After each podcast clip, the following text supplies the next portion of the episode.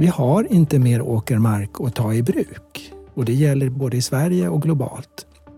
Och därför måste vi använda den på ett smartare och, och bättre sätt så att vi kan få ut mer av samma eller få eh, samma av mindre. Det vill säga en, en hållbar intensifiering. Och jag tror att det är där vi ska lägga ner våra krafter också. Alltså jag ser ju förstås väldigt positivt på det. Jag tror att vi kommer få större och större efterfrågan på inte bara lokalt producerad mat utan även inhemskt producerad mat, svensk mat med allt vad det innebär. Låga insatsmedel i form av eh, antibiotika är ju en stor punkt men också att vi har ett jordbruk, ett, ett växtodlingsjordbruk som har så låg klimatpåverkan som möjligt. Jag tror på en väldigt stark framtid.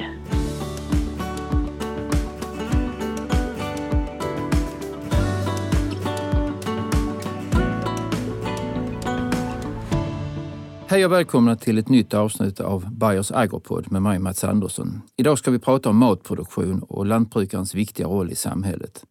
Vi på Bayer brukar ibland nämna att lantbrukare har världens viktigaste yrke. Utan lantbrukarens produktion av mat skulle inte mycket annat bli gjort. Vi kan vara utan mycket, men mat måste vi ha. Jag tror att detta är någonting som betydligt fler har börjat förstå nu och att våra duktiga lantbrukare har världens viktigaste yrke som borde förtjäna mer respekt än det får idag. Idag har jag Lennart Wikström mitt emot mig. Välkänd profil i lantbrukskretsar, både som en av ägarna till TS förlag med många lantbruks och livsstilstidningar och även en skribent i era olika tidningar. Välkommen Lennart. Du kan väl kort berätta lite grann om dig själv? Mm. Tack så mycket Mats. Ja, Lennart Wikström. Jag är chefredaktör för en tidning som heter Lantbrukets Affärer. Och sen jobbar jag också med våra trädgårdstidningar Viola Landskap och Viola Potatis. Eh, min bakgrund är att jag är agronom och har jobbat med journalistik, lantbruksjournalistik i 40 år faktiskt. Ehm, och sen har jag också varit väldigt aktiv inom livsmedels-Sverige och jobbat med innovation. Varit eh, eh, ledare för en forskningsstiftelse som Skånska Lantmännen etablerade en gång för många år sedan. Men just nu så är det media och eh, lantbrukets hållbarhetsfrågor som mm. eh, sysselsätter mig mest. Mm. Ja, det vi ska prata om idag det är ju att matproduktionen är ett viktigt ämne som berör oss alla. Och de flesta av oss har ju en åsikt kring det här med matproduktion grundad på mer eller mindre erfarenhet och övertygelse. Någon tycker att vi ska äta mer svenskt, en annan tycker är övertygad om att ekologiskt är det enda rätta. Någon tycker att vi ska minska på köttet Andra är övertygade om att djurens bidrag till kretsloppet, den biologiska mångfalden och dess fantastiska förmåga att omvandla saker som vi inte kan äta till något högvärdigt protein är något det vi ska utnyttja mer. Det finns inga enkla svar och entydiga lösningar och mitt i allt, alla dessa åsikter står lantbrukarna och ska försöka att navigera och driva sina företag. När det faktiskt är de som har mest erfarenhet, känsla för sin jord och sina grödor. Utöver detta så finns det politiker som vill påverka och styra, ofta med begränsad kunskap om lantbruk och matproduktion.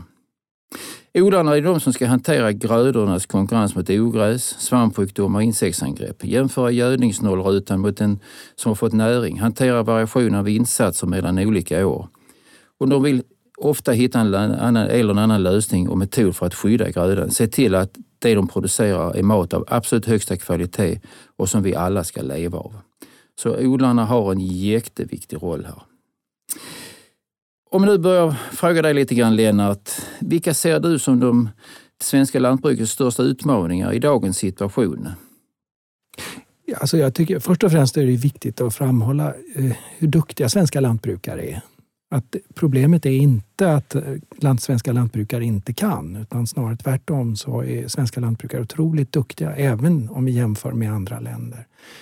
Ehm, och utmaningarna så är kanske inte så mycket på produktionssidan som på att försöka skapa bättre lönsamhet och att eh, kunna leva upp till de faktiskt höga krav som samhället ställer på svenskt lantbruk. Vi har ju väldigt tuffa, tuff lagstiftning och, och vi har tuff, tuffa villkor på marknaden. Och den största utmaningen det är lönsamheten i jordbruket. Eh, och att kunna eh, få råd att göra de investeringar som är nödvändiga. Både för en bättre miljö men också för att kunna ta vara på den nya tekniska utvecklingen som finns. Om man, Om man nu ställer det svenska lantbruket eh, jämfört med andra länder. Eh, vi har ju väl ändå förhållandevis rätt så höga avkastningar. Vi har friska grödor. Vi har rätt så lite klimatavtryck. Hur, hur ser du på det när vi jämför det svenska lantbruket mot, mot andra länder? Ja, alltså just detta att vi har lyckats lösa en del knepiga frågor kring växtnäringsläckage till exempel. Vi har väldigt högt växtnäringsutnyttjande, relativt låga gödselgivor i förhållande till de skördar som vi tar ut. Vi ligger ju på en avkastnings, avkastning som ligger uppe runt 80 procent av potentialen och, och, vi har en lägre avkastningspotential än vad många länder söder om oss har. Vilket ju innebär att vi kanske inte kan komma upp i samma höga skördar men vi når nära vad vi kan nå max, maximalt i landet. Och eh, jordbruket står ju också inför en, en utmaning när det gäller klimatförändringar men även där är vi väldigt duktiga på att ta vara på dem. Men rent generellt så lyckas vi ju producera väldigt hög kvalitet, en hög eh, volym med eh, begränsade insatser. Så att jag skulle vilja säga att vi kanske inte är bäst i världen men vi tillhör de bästa i världen. Mm. Det är många lantbrukare som lyssnar på, på de här poddarna när vi spelar in de här och eh, nu, nu ska det komma ett nytt system som ska mer blir synligt, det här som heter IPM-system. Och det, det hör vi nu från eh, bland annat Jordbruksverket att det ska införas nu och kontrolleras mer. Hur ser du Sveriges ställning där eh, versus andra länder? Var, eh, här startar vi väl inte från, från scratch precis utan vi var rätt så långt komna. Ja, definitivt. IPM-lagstiftning eller direktivet infördes ju för några år sedan och för Jordbruksverket som har, skött, som har haft ansvar för, för tillsyn och genomförande i Sverige så har egentligen bara varit att skriva ner och beskriva vad lantbruk, svenska lantbrukare redan gör. Eh, vi, har, eh, vi kan ju inte säga att vi överanvänder kemikalier för det finns ingen lönsamhet i det och det gör inte svenska lantbrukare utan vi använder oss utav utav förebyggande åtgärder. Vi använder oss utav resistenta sorter med tillräckligt höga avkastningspotential där det finns. Och vi, det, det, man ser nu är ju också hur eh, kemisk ogräsbekämpning förenas med mekanisk och vi ser många sådana här integrerade modeller växa fram. Så jag, jag tror att, eh, att det blir att öppna en vidöppen, försöka slå upp en vidöppen dörr. Att införa ett integrerat synsätt i Sverige. Vi har kommit väldigt långt. Så egentligen kan man säga att det är eh, regelverk och sådana här saker som idag begränsar mer än, än, än, eh, än andra saker? Ja, det tror mm. jag. Alltså, om man tänker på att, att för, för land, det svenska lantbruket så, så är ju krånglet är en, ett, en, en belastning och, och, mycket av tillsynen som bedrivs bedrivs på ett sådant sätt att den upplevs som hotfull och, och eh, egentligen en psykisk belastning. Och det har ju forskningen visat att, att många lantbrukare, framförallt med djur, upplever ju att det sätt som bedriv, tillsynen bedrivs att det är psykiskt belastande. Eh, så att kunde lantbrukarna få ägna sig åt att vara lantbrukare så tror jag att det vore mycket bättre. Mm. Om vi då vänder det runt och säger som så här att vilka möjligheter ser du det svenska lantbruket har? Vi har pratat om att vi har ett så lågt klimatavtryck och så vidare, sådana här saker. Men vad är det för möjligheter vi har när vi tittar? Ja, alltså, vi har ju ett lågt smittotryck eh, i produktionen i Sverige idag. Det är ju en sån sak man letar efter när man till exempel vill ta fram utsäde. Och, och, idag har vi en situation där vi importerar utsäde. Vi har ju på spannmålssidan en stor del som produceras. Men tar vi till exempel potatis så, så importerar vi en stor del av det utsädet.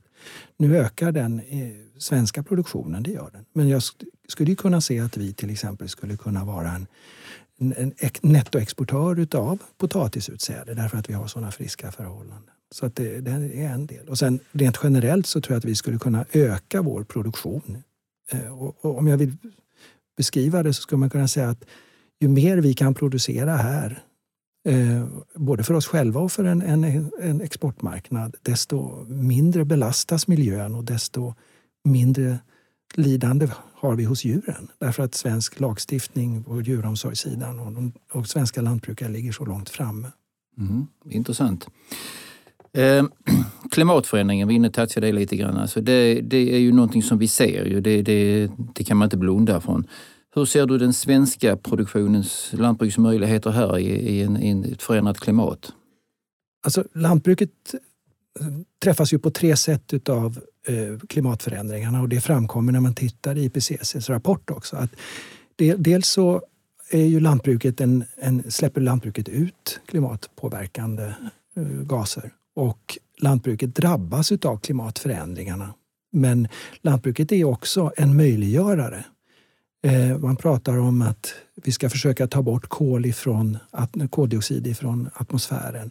Och det är ju det eh, lantbrukaren gör varje år när man sår en gröda. Eh, det är en miljon eller kanske en miljard solceller på en åker med vete. Och, och faktum är att det svenska lantbruket lagrar in 21 miljoner ton kol vilket är fyra eller fem gånger mer än de svenska nettoutsläppen utav koldioxid. Så att i jordbruket så är det, ska jag säga, att det är mycket mer en möjliggörare för att vara till nytta för övriga samhället än att vi är en som skadar. Och jordbruket har mycket goda möjligheter att minska sina utsläpp. Det är självklart att man ska göra det. Man ska också övergå till eh, förnybara drivmedel och förnybar uppvärmning, det är självklart. Men man ska, kan också som sagt vara med och bidra till ett betydligt bättre eh, klimat, minskad klimatpåverkan. Sen, sen på det sätt vi drabbas av klimatet så får vi ju längre växtodlingssäsong. Mm. Det är någonting vi också skulle kunna ta vara på. Mm. Men det ställer också högre krav på kunskap och biologi och kanske mm. lite ändrade odlingsrutiner. Vi har, vi har vid ett annat tillfälle haft, eh, haft eh, eh kontakt med de som är, jobbar mycket med inom ja, SMHI helt enkelt. Och de bekräftar också det här, man pratar väl liksom ungefär en veckas längre odlingssäsong som man ser och minns jag rätt så, så var det väl i huvudsak en tidigare vår som, som var det som, som man kunde se framför sig. Att man startar helt enkelt tidigare på året än vad man gör idag. Ju. Det, det här du berättar, det, det, är ju så sällan det kommer fram i den allmänna debatten. Alltså, var, varför, varför tror du att det inte det lyfts fram mer? Det, det finns en, en gängse bild av svenskt lantbruk som jag tror är grundad i hur det såg ut på 70 och 80-talet. Eh, och man beskriver lantbruket som industriellt och storskaligt och kemikaliserat. Och ja, det är storskaligt. Det svenska lantbruket har genomgått en enorm storleksrationalisering, eh, framförallt sedan 80-talet. Men det bedrivs också på ett helt annat sätt än vi gjorde då. Eh, Alltså de, på kemikaliesidan så har ju många av de kemikalier som var problem, de har ju bytts ut. Vi är mycket bättre på att ta vara på, på eh, växtnäring och så vidare. Och det här är ju sådana förändringar som folk har ganska dålig kunskap om. Eh, och det hänger ju naturligtvis ihop hur media hanterar de här frågorna. Jordbruket är inte intressant förrän det är med i problemsammanhang. Eh, vi är bara, jordbruket är ju bara 0,6 procent av bruttonationalprodukten. Och ändå är alla de övriga 99,4 procenten beroende av mm. denna lilla del. Mm. Men, och den insikten finns inte, tyvärr. Varken hos beslutsfattare eller hos de som eh, är med och påverkar. Ja, för man hör ju ofta den här bilden att, att eh, det finns ju politiska företrädare som säger att, att lantbruket är ett klimatproblem. Va? Men och om man sätter det svenska lantbruket i ett större perspektiv så beskriver du det rätt så tydligt att vi har ju en väldigt effektiv produktion som ger väldigt låga klimatavtryck per producerad enhet, eh, kilo, kärna, vad det nu är man vill sätta det här. Och det är synd att inte sånt här kommer tydligare fram. Ju.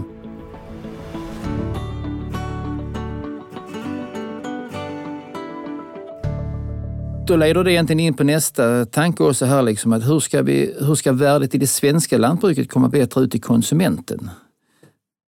Eh, du är ju själv också journalist, fast på, på lantbrukstidningar. Va? Och, och eh, det är precis som politiker inte vill värdera det svenska lantbruket eller matproduktionen tillräckligt högre. vi har en livsmedelsstrategi som man beslutat om som, som man ibland lutar sig mot. Och, och samtidigt så har vi också många Eh, vi har ju många tidningar. Man det har väl aldrig varit så många matprogram och det har väl aldrig varit så... Det skrivs i livsstilstidningar, mattidningar och vad det nu är för någonting. Men det är ju inte så ofta man hör liksom att man säger att det här är svenskt. Det, det har ökat säkerligen kanske, va? men inte en... Ja, alltså, det, det har aldrig letts ut så många kokböcker heller. Så det, är också en, det är också så att intresset för mat är enormt. Och det positiva i detta är också att intresset för jordbruket har ökat. Och det är ju alltid en bra början. Sen brukar jag ofta säga det att jag jobbar ju med fel målgrupp. Jag jobbar med de som redan kan och vet. Hade jag jobbat på en en um, tidning med vanliga konsumenter som målgrupp, ja då hade jag kanske kunnat göra mer för att förändra människors synsätt. Men jag tror att ett, ett problem är, är ju att för att man ska komma fram så måste man göra det i rätt sammanhang. Och om, om bilden av jordbruket hos de människorna som har hand, håller i media och som ska fatta beslut inte stämmer med verkligheten, då får vi problem. Och vi ser ju lite grann samma sak i vårt, våra göranden och låtanden med EU. Där man utifrån ett europe, mer centraleuropeiskt perspektiv har en annan bild av både jord och skogsbruk än vad den vi har här uppe. Så att det, vi, vi ser ju sådana problem också. Sen, sen eh, ja, livsmedelsstrategin säger ju att vi ska öka svensk livsmedelsproduktion. Och jag tror att politikernas verktygslåda är väldigt begränsad för att uppfylla livsmedelsstrategin i den delen. Jag tror att eh, där spelar marknadens aktörer mycket större roll. Nämligen vår hand, eh, livsmedelskedjorna, eh, dagligvaruhandeln. Tillsammans med dagligvaruhandeln skulle ju svenskt jordbruk kunna göra ännu mer än vad det gör idag. Vi har en väldigt bra kompis i dem när det gäller svenskodlat. För det har ju handeln förstått att det kan de tjäna pengar på. Och det som har hänt är ju att närproducerat och svenskodlat har ju tagit över kanske den roll som ekologiskt hade förut. Som någonting som man lyfter fram och, och skyltar med. Och där tror jag vi har en eh, stark utvecklingsmöjlighet för svenskt, svenskt jordbruk, svensk livsmedelsproduktion. Men vi ska inte glömma bort att det finns annat än mat också. Vi har ju bioenergi som en växande eh, potential. Mm. Just den där anknytningen till, till, till handeln och deras roll, det, det är väl nog ingen som tvekar på det utan att det, det är en stor maktfaktor. Och, eh, eh det finns ju eh, en, en, position eller en sorts tjänst som, som man möter mer och mer. Det är ju hållbarhetschefer på olika vis och sätt. Men det är intressant när man tar en diskussion och, och och verkligen på det här liksom att sätter det svenska lantbruket versus en importerad mat. Liksom. Dels är kunskapen ofta rätt så låg, men när man börjar förklara så, så blir det verkligen upplyst. Eh, jag tror det behövs väldigt mycket information liksom, för att få förstå värdet av det svenska lantbruket. Alltså, så det, är, det är jätteviktigt. Och, och, eh, ja, nu, nu är det ju jul snart och vi har ju och ännu mer en sån där tid på året där det, det, här, är, det här betyder mycket. Ju. Um, om vi då övergår lite mer till själva produktionen. Alltså, eh, vi har ett väldigt effektivt lantbruk idag eh, som man nu kan väl påstå ligger liksom i framkanten när det gäller teknikutveckling och använda olika verktyg för att, för att producera på, på bästa möjliga sätt. Och man ska inte glömma också att det finns alltid en ekonomi med i det hela här också. Att precis som ett annat företagande så måste man liksom kunna tjäna pengar för att kunna investera i ny teknik. Vissa kallar ju negativt det svenska lantbruket för ett industrilantbruk. Man tycker det är för stora arealer. men samtidigt måste man ha ett rationellt lantbruk också. Ehm, vi kan ju se tydligt det här att man, man är väldigt fokuserad på att göra rätt. Alltså där är, inte, där är inte råd att göra fel utan man måste göra väldigt rätt. Man måste ha en väldigt hög precision. Hur ser du på det här med svenska lantbruket? Hur långt är de framme när det gäller teknikutvecklingen? Alltså det händer ju mycket här nu. Ja, alltså eh, rent generellt sett så kan man säga att jordbruket är ju sällan den, den industri eller den samhällsgren som är snabbast med att ta till sig ny teknik. Och det är ju en, tror jag, en sund skepsis. Det, man måste ju förstås först förstå att det här är någonting för what's in it for me? Vad tjänar vi på den här nya tekniken? Eh, och nu när det finns mycket spännande ny teknik på precisionsodling med nya, ny, ny kemi och och ny övervakningsteknik och nya, nya sätt att hantera data. Då eh, krävs det också investeringar. Och där är det ett problem med lantbrukets bristande lönsamhet. För att ha råd att gå över till, ta ytterligare ett steg så att säga, den, mot den fjärde agrara revolutionen. Mm. Eh, Sen kan man ju säga att när det gäller storlek så är det ju så att för att kunna, egentligen är storleken en förutsättning för att kunna göra varierade insatser. Det är först när du får en tillräckligt stor enhet som du kan börja skapa variation med växtföljd, med att få in anslag, eh, inslag av ökad biodiversitet. Den, den bonden på 40 hektar i, på Söderslätt hade inte så mycket annat val än att odla varje kvadratmeter så in, intensivt som möjligt. Men när du får en större större mark och, och, kanske hitta de här fläckarna där du inte behöver odla så intensivt och du kan använda det för, att, för biologisk diversitet så, så är ju inte storleken en nackdel. Och det kanske också är på de större fast gårdarna som den nya tekniken först, man först har råd att investera i ny teknik. Så att på det sättet så, så det så kallade industriella jordbruket är också det som går i bräschen för ny teknik och kan vi säga också bättre miljö och klimatanpassning. Mm. Um jag tror man upplever nog, alltså om man jobbar med lantbruk så tror jag nog att man ser att det svenska lantbruket ligger, ligger långt framme. Det är ju många som pratar om ännu mer precision i det man gör idag. Man pratar om spottbehandlingar på ogräs, man pratar om bandbehandlingar och man, jag tycker man är generellt sett duktig på att titta på att utnyttja kombinera ogräsbekämpning både mekaniskt och, och, och kemiskt för, för, den delen och för att, för att få, för få det bättre. Men om man tittar man tittar lite grann runt hörnet. Jag vet att du är ju väldigt mycket ute i lantbruket och har en bred bas att stå på. Vad skulle du tro kommer liksom lite grann runt hörnet här nu när det gäller ny teknik? Vad tror du vi är om ett antal år här? Alltså jag tror att den tekniska utvecklingen som kommer, den kommer vi också se sker tillsammans med biologin. Jag tror att vi har, eh, vi har så goda exempel ifrån eh, olika grödor, till exempel eh, oljeväxter där den ökade kun biologiska kunskapen i kombination med ny teknik gör att vi blir så otroligt mycket duktigare på att öka kväveutnyttjandet, att få fram sorter som är bättre anpassade till, till eh, vårt klimat och framförallt också en odlingsteknik som gör att vi får bättre, bättre utnyttjande av, av marken och resurserna. Så att det, det är där, jag tror att det är det här mötet mellan teknik och biologi som är det, där den mest spännande mm. utvecklingen finns.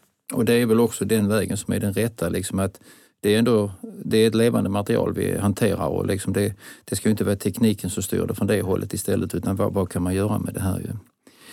Eh, vad skulle du vilja säga att mer för satsningar inom det svenska lantbruket kommande år? Du tittar framåt lite grann. Man pratar ju om CO2, man pratar om biokol, man pratar om kanske andra grödor och så vidare. Vad, vad, vad har du för idéer kring det?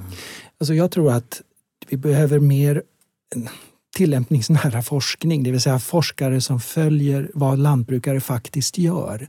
Därför att det håller på att hända så mycket kring växtföljd, jordbearbetning och även nya sorter och nya grödor. Så att forskarna behöver hänga med här för att hjälpa till och beskriva det som händer. Och jag tror att det kan bli en jätteviktig del i kommunikationen också. Om vi har bra forskningsdata och kan beskriva att det vi gör är hållbart och, och leder till minskad klimatpåverkan och minskad miljöpåverkan i kombination med ökad produktivitet och ökad lönsamhet. Ja, då, då kommer vi ha en bättre situation. också. Ehm, det, vi, vi har ju när det gäller jordbrukets roll för klimatet så, så har vi sagt det att där finns ju en fantastisk möjlighet att jordbruket bidrar genom att binda ner, ner kol. Men det är ju inte en huvuduppgift utan jordbrukets huvuduppgift är ju att producera livsmedel och kanske råvaror då för biodriv, biobaserade drivmedel och en industri. Eh, och på vägen dit så kommer vi att med ökad avkastning, ökad produktivitet också binda mer kol. Det är rätt så intressant för jag tror att det, det, det här börjar pratas lite, lite mer om de här sakerna, men vi är inte rätt där. Eh, några nämner proteingrödor. Ska vi öka, vad, vad, har du, är, det, är det en rätt väg att gå eller? Eh, alltså de, baljväxter, ja, vi kan odla mer baljväxter men inte så mycket mer baljväxter utifrån ett växtföljdsperspektiv. Eh, vi märker redan nu att eh, flera av dem får problem med ökad svamp eh, ökade svampangrepp och så vidare. Och, eh, ärtrotröta i baljväxter är ju ett känt problem sedan många, många år. Så att ja, vi kan odla mer baljväxter men inte så mycket mer. Och vi ska inte glömma bort en gröda som havre som ju har ungefär samma näringssammansättning som quinoa men som ger en tre gånger så hög avkastning per hektar. Då blir ju det en proteingröda det också. Mm. Mm. Och, och 25 procent av det protein vi äter idag kommer faktiskt från spannmål. Så att, eh, vi behöver kanske inte ställa om. Vi kanske bara behöver finjustera en del. Mm. Ja, det är intressant. Vi som nu jobbar med växtskydd, Vi är ju ett sådant företag och vi finns ju fler. Vad, vad tycker du vi skulle jobba mer med inom vår nisch, vår bransch? Jag tycker det är väldigt spännande med den utveckling som är på gång. Dels det som ni håller på att plocka fram utifrån ökad biologisk kunskap. Alltså ni hittar ju fler och fler kemikalier som har en, en sina, sitt ursprung i, i naturliga eh, system och har en biologisk bakgrund. Och det är jätteintressant att se dem, för de har, eh, visar sig ju också kunna fungera väldigt bra. Men och med e- industrins kunnande så blir de ju också användbara preparat. Där är en väldigt intressant utveckling. Sen tror jag också att den här utvecklingen som kombinerar eh, växtskyddet med sorter och med, med växten. Alltså där, du kan, där man har egenskaper i, i en sort, som till exempel en god resistens. Men där användning, en, en smart användning av växtskydd kan få de här växtskyddsmedlet att hålla längre därför att man håller nere, har inte samma eh, infektionstryck. Och där också resistensen i plantan håller längre därför att eh, man kombinerar de här två. Man får ett bättre paraply helt enkelt. Den, en annan sak som är intressant är ju att många utav de här kemiska eh, ämnena de visar sig även ha en viss biostimulerande effekt. Det vill säga att de främjar växtnäring. Strobilurinerna är ju ett sådant exempel som har tydlig biostimulanseffekt. Och, och eh, där, där tror jag också att det finns otroligt mycket just att titta på kombination av biologi och kemi. Eh, och jag kan tänka mig att man utvecklar mer och mer specifika kemikalier som är väl hopparade med sorter och så. Eh, naturligtvis kan det bli en fälla för lantbrukaren att man gör sig bero, blir beroende av ett, ett företag, en leverantör. Men det kan också ligga så stora vinster i ett sådant system att det blir ett, ett, ett, ett, någonting som alla tjänar på det. Även samhället i stort. Um, enkla saker som mekanisk ogräsbekämpning och det, det är man redan igång med. Man pratar också rätt så mycket om eh, eh, spottbehandling på ogräs till exempel, bandbehandling och sådana här saker. Det, då kommer det ju liksom hand i hand med de här andra sakerna. Ju. Den utvecklingen pågår ju också här. Va? Så, så, så att det är, eh, det är intressant att du nämner de här andra sakerna också. För, för, för just det är ett av fokusområdena man har också för de här företagen.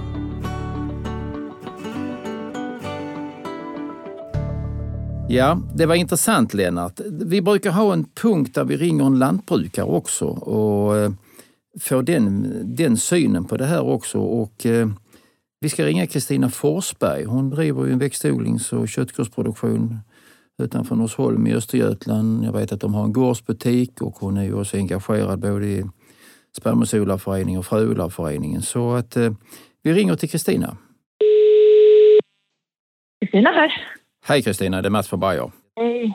Tack för att vi får lov att ringa upp dig. Nu har vi haft ett eh, intressant samtal, Lennart och jag, här om lantbrukets viktiga roll i samhället och, och eh, den svenska produktionen av mat och uthållighet och sådana här saker. Och du är ju en eh, du sitter ju själv med fingrarna mitt i, i grytan här va? och är själv en, en odlare och du är väldigt engagerad också. Hur ser du liksom på de här, det, det svenska lantbrukets roll här nu i samhället? Alltså, du får gärna, vi börjar den ändan där. Hur ser du den biten? Alltså jag ser ju förstås väldigt positivt på det. Jag tror att vi kommer få större och större efterfrågan på inte bara lokalt producerad mat utan även inhemskt producerad mat, svensk mat. Ehm, med, med allt vad det innebär. Låga insatsmedel i form av eh, antibiotika är ju en stor punkt men också att vi har ett jordbruk, ett, ett växtodlingsjordbruk som har så, så låg klimatpåverkan som möjligt. Ja, jag tror på en väldigt stark framtid. Mm. Intressant att höra, för du sitter ju verkligen och ser resultatet av de här sakerna. Ju. Eh, hur, hur, ser du nu som odlare när du ser att vi får ett förändrat klimat? Vad tror du om det utifrån ditt perspektiv? Jag funderar lite på det och jag undrar om jag hinner uppleva så stor förändring under mina 15 år som jag har kvar som lantbrukare. Vi, vi, ser ju mer och mer extrema väder i och för sig. Är det torrt så är det torrt väldigt länge och är det blött så är det blött väldigt länge. Det är väl det kanske vi kan se som jag hinner vara med och uppleva men jag tror inte jag hinner se så stor påverkan av en och en halv, två grader um, under min tid. Men det får vi se. Jag kan väl tycka från mitt perspektiv som, också, som har jobbat väldigt många år här, att jag kan ändå se att du som är lite grann uppåt landet, där har väl ändå skördenivåerna höjts rätt så tydligt de senaste tio åren. Det är ju rätt så stor skillnad ändå. Helt rätt som du säger att det är ju de här perioderna med antingen väldigt mycket med nederbörd eller så är det torrt. Ju. Men eh, jag, jag, kan ändå tycka liksom att det är ändå, det är ändå liksom högre skördar. Eh, har du nu 15 år kvar så får du väl ett ton till kanske per hektar innan du hinner sluta. Jag vet inte, men vi får hoppas det. Mm. Vi får hoppas det. Ja. Vi får det. Och, eh, och jag kan, kan tro att det är insektstrycket som kommer påverkas mest av eh, temperaturförändringarna mm. vi eventuellt står inför. Mm. Lennart har också diskuterat det här med att, eh, hur vi ska få bättre få ut värdet av det svenska lantbruket till konsumentsidan. Hur ser du på det? Där har du väl också lite erfarenheter?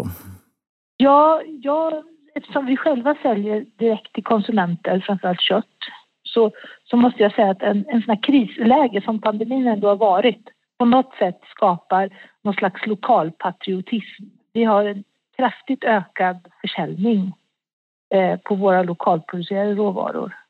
Um, om det är för att man liksom blir lite orolig, vill värna landet eller om det är för att man inte vill trängas på ICA, det, det vet jag faktiskt inte. Men vi har en större efterfrågan idag än vad vi hade för två år sedan. Mm. Sen kommer det alltid finnas de konsumenterna som antingen för att de inte begriper bättre eller för att de inte har råd eh, kommer jaga lägsta priset på, på, på Citygross eller Willys den kategorin kommer alltid finnas har jag en känsla av. Och vi, vi lägger ju förhållandevis liten del av vår inkomst på mat idag. Jag tror vi lägger 11 procent eller något sånt mm. i dagsläget av mm. vår inkomst. Så, och siffran kanske låg på 30-35 för ett antal år sedan.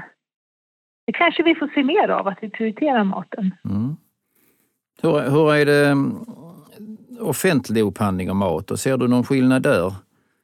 Um... Ja, Ja, jag tror ju att kommunerna har tagit till sig att de kan inte kontrollera oss ena, ena dagen hur vi sköter vår djurproduktion och vår växtodlingsproduktion och nästa dag eh, handla kyckling från Thailand till uppfött på ett sätt som vi skulle bli polisanmälda för. Jag tror den poletten har nog ramlat ner. Mm. Så, så, kan man faktiskt inte göra, det är inte rimligt.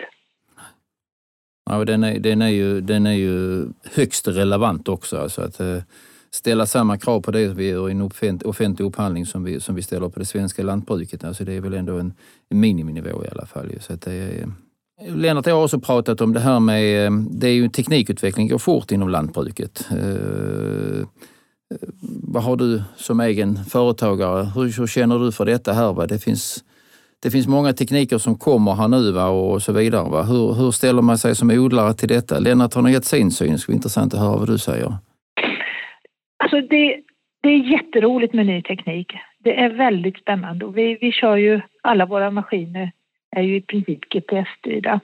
Samtidigt så skapar ju det en sårbarhet. Det är ju, vi, vi reparerar ju inte våra maskiner med en svets längre utan vi får ju ringa efter, efter verkmästaren som kommer ut med sin dator när någonting strular. Så det skapar ju en sårbarhet med teknik samtidigt som det, det ger oss en väldig möjlighet till precisionsodling och därmed ett, en, en, en mindre miljöpåverkan. Vi kan, vi kan sprida gödsel och växtskyddsmedel med en större precision än vad vi kunde för 10-20 år sedan.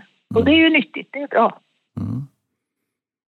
Är det någonting man investerar mycket i eller, eller, eh, eller väntar man och ser lite grann med teknik som kommer? Hur, hur ställer man sig som odlare till det? Jag tror att du har hela spannet av lantbrukare. Det finns de, precis som i all annan verksamhet i samhället, som är först på det och som tycker att det här är jättekul och ska ha första, första utgåvan av saker och ting. Och så finns det de som kanske det kommer dröja 20 år innan de sätter sig med en GPS i traktorn. Så det finns nog ett väldigt brett spann. Och vi som paddlar runt i mellansegmentet är nog ganska många. Vi, vi vill inte kanske vara först på bollen utan um, när vi ser att tekniken fungerar hos andra, mm. då, då står vi där och, och köper vår teknik.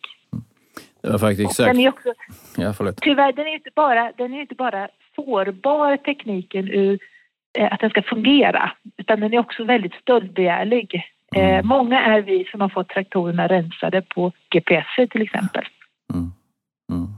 Ja, men det, var, det bekräftar egentligen det som Lennart sa också, det liksom att man, man vill gärna se att det funkar. Och det är ju ändå en rätt så stor investering också. Så, så att det är, Eh, sista frågan till dig Kristina. Eh, du som nu utifrån en matproduktion eller lantbrukarperspektiv, vad skulle du se mer för satsningar på det svenska lantbruket kommande år? Var, var skulle du vilja säga att eh, det satsas mer? Tänk nu brett.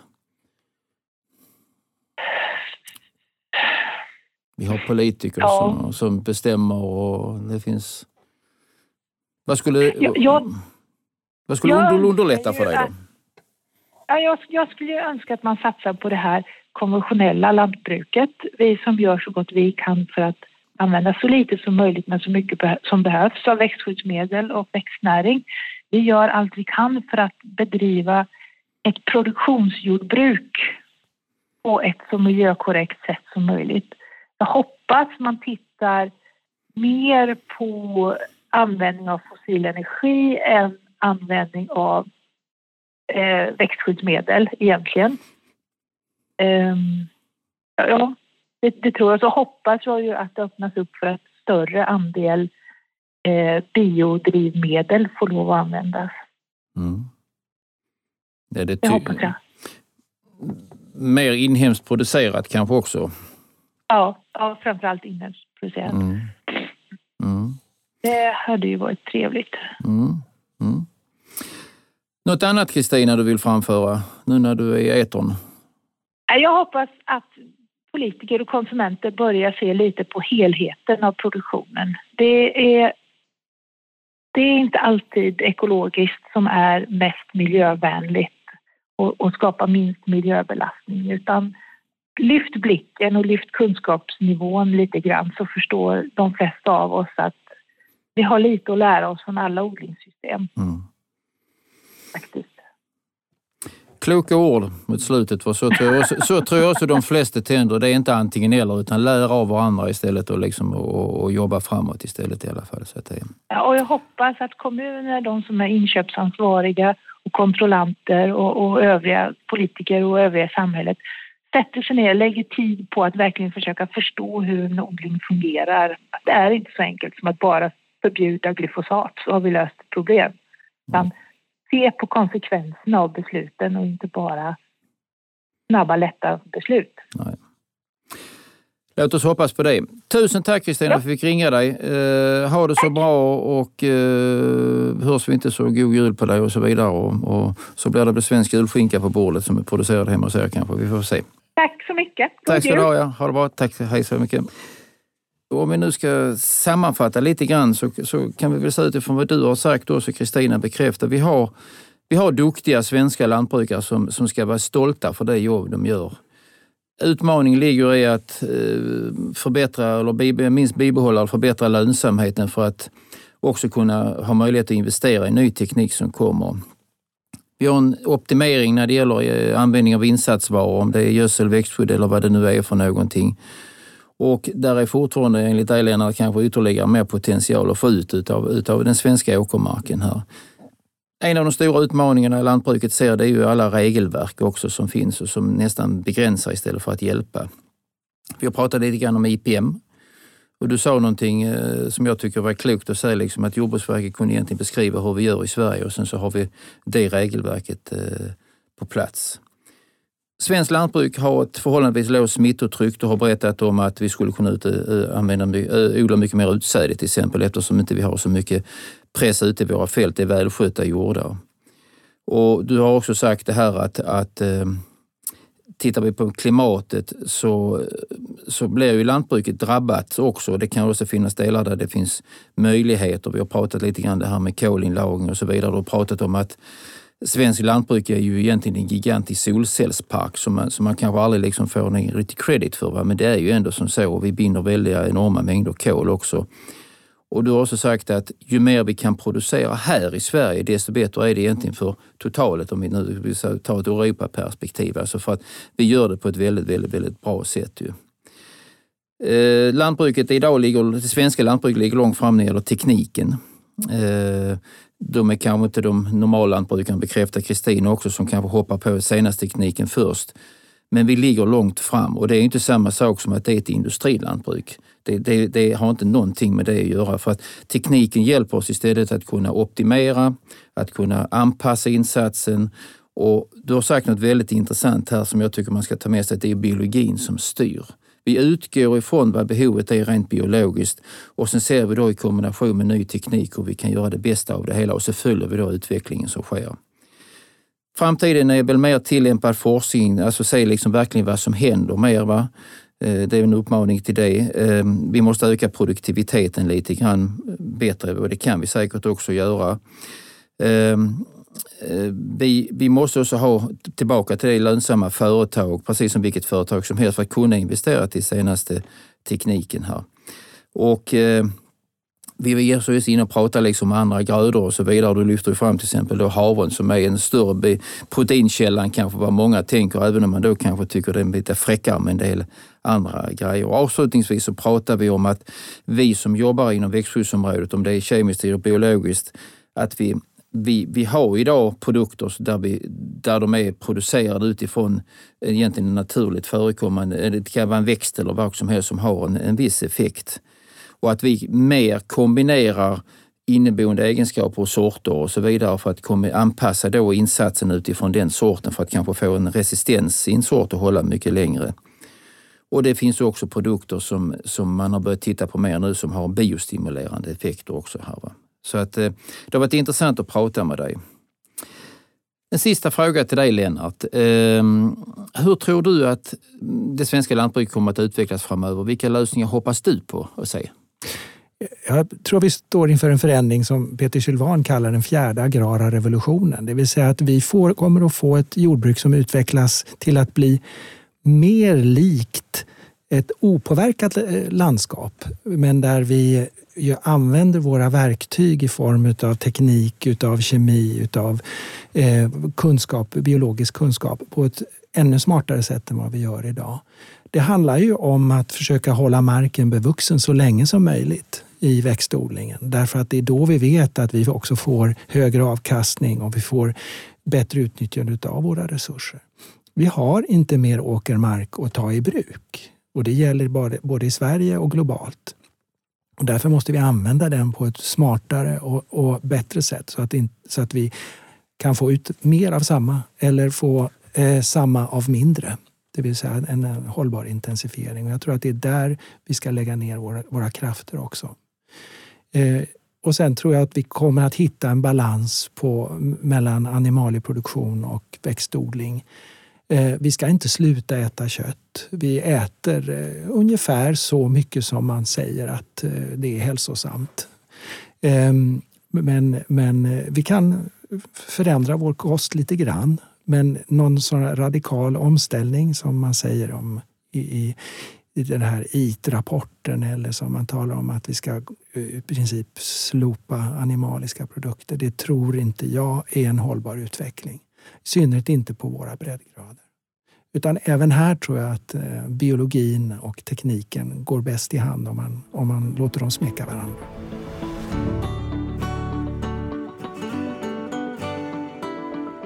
Stort tack Lennart för en eh, riktigt bra diskussion. Det är alltid så intressant att, att, träffa dig och prata med dig. Och det ska bli spännande att följa utvecklingen inom lantbruket och debatten i samhället. Och jag vet att du kommer att vara en stor del av detta här. Svenskt lantbruk har stora möjligheter som vi hoppas kan komma fram bättre. Det är viktigt och det är de svenska odlarna värda. Ju. Vi brukar säga i vårt, företag, i vårt företag att om du har ätit idag så ska du tacka en lantbrukare. Och det gäller ju även oss två. Vi hade inte suttit här om inte detta samtalet, haft detta trevliga samtalet utan att vi har fått någonting att äta. Ju. Så tack så mycket för att ni har lyssnat. Du har lyssnat på det här. Det är vårt sista avsnitt för i år. Nu laddar vi om inför 2022. Då är vi tillbaka med nya spännande ämnen. Tipsa eh, oss gärna om det är något du vill höra mer om, något vi ska ta upp. Passa på att lyssna på varandra avsnitt när du ändå servar maskiner eller planerar inför våren.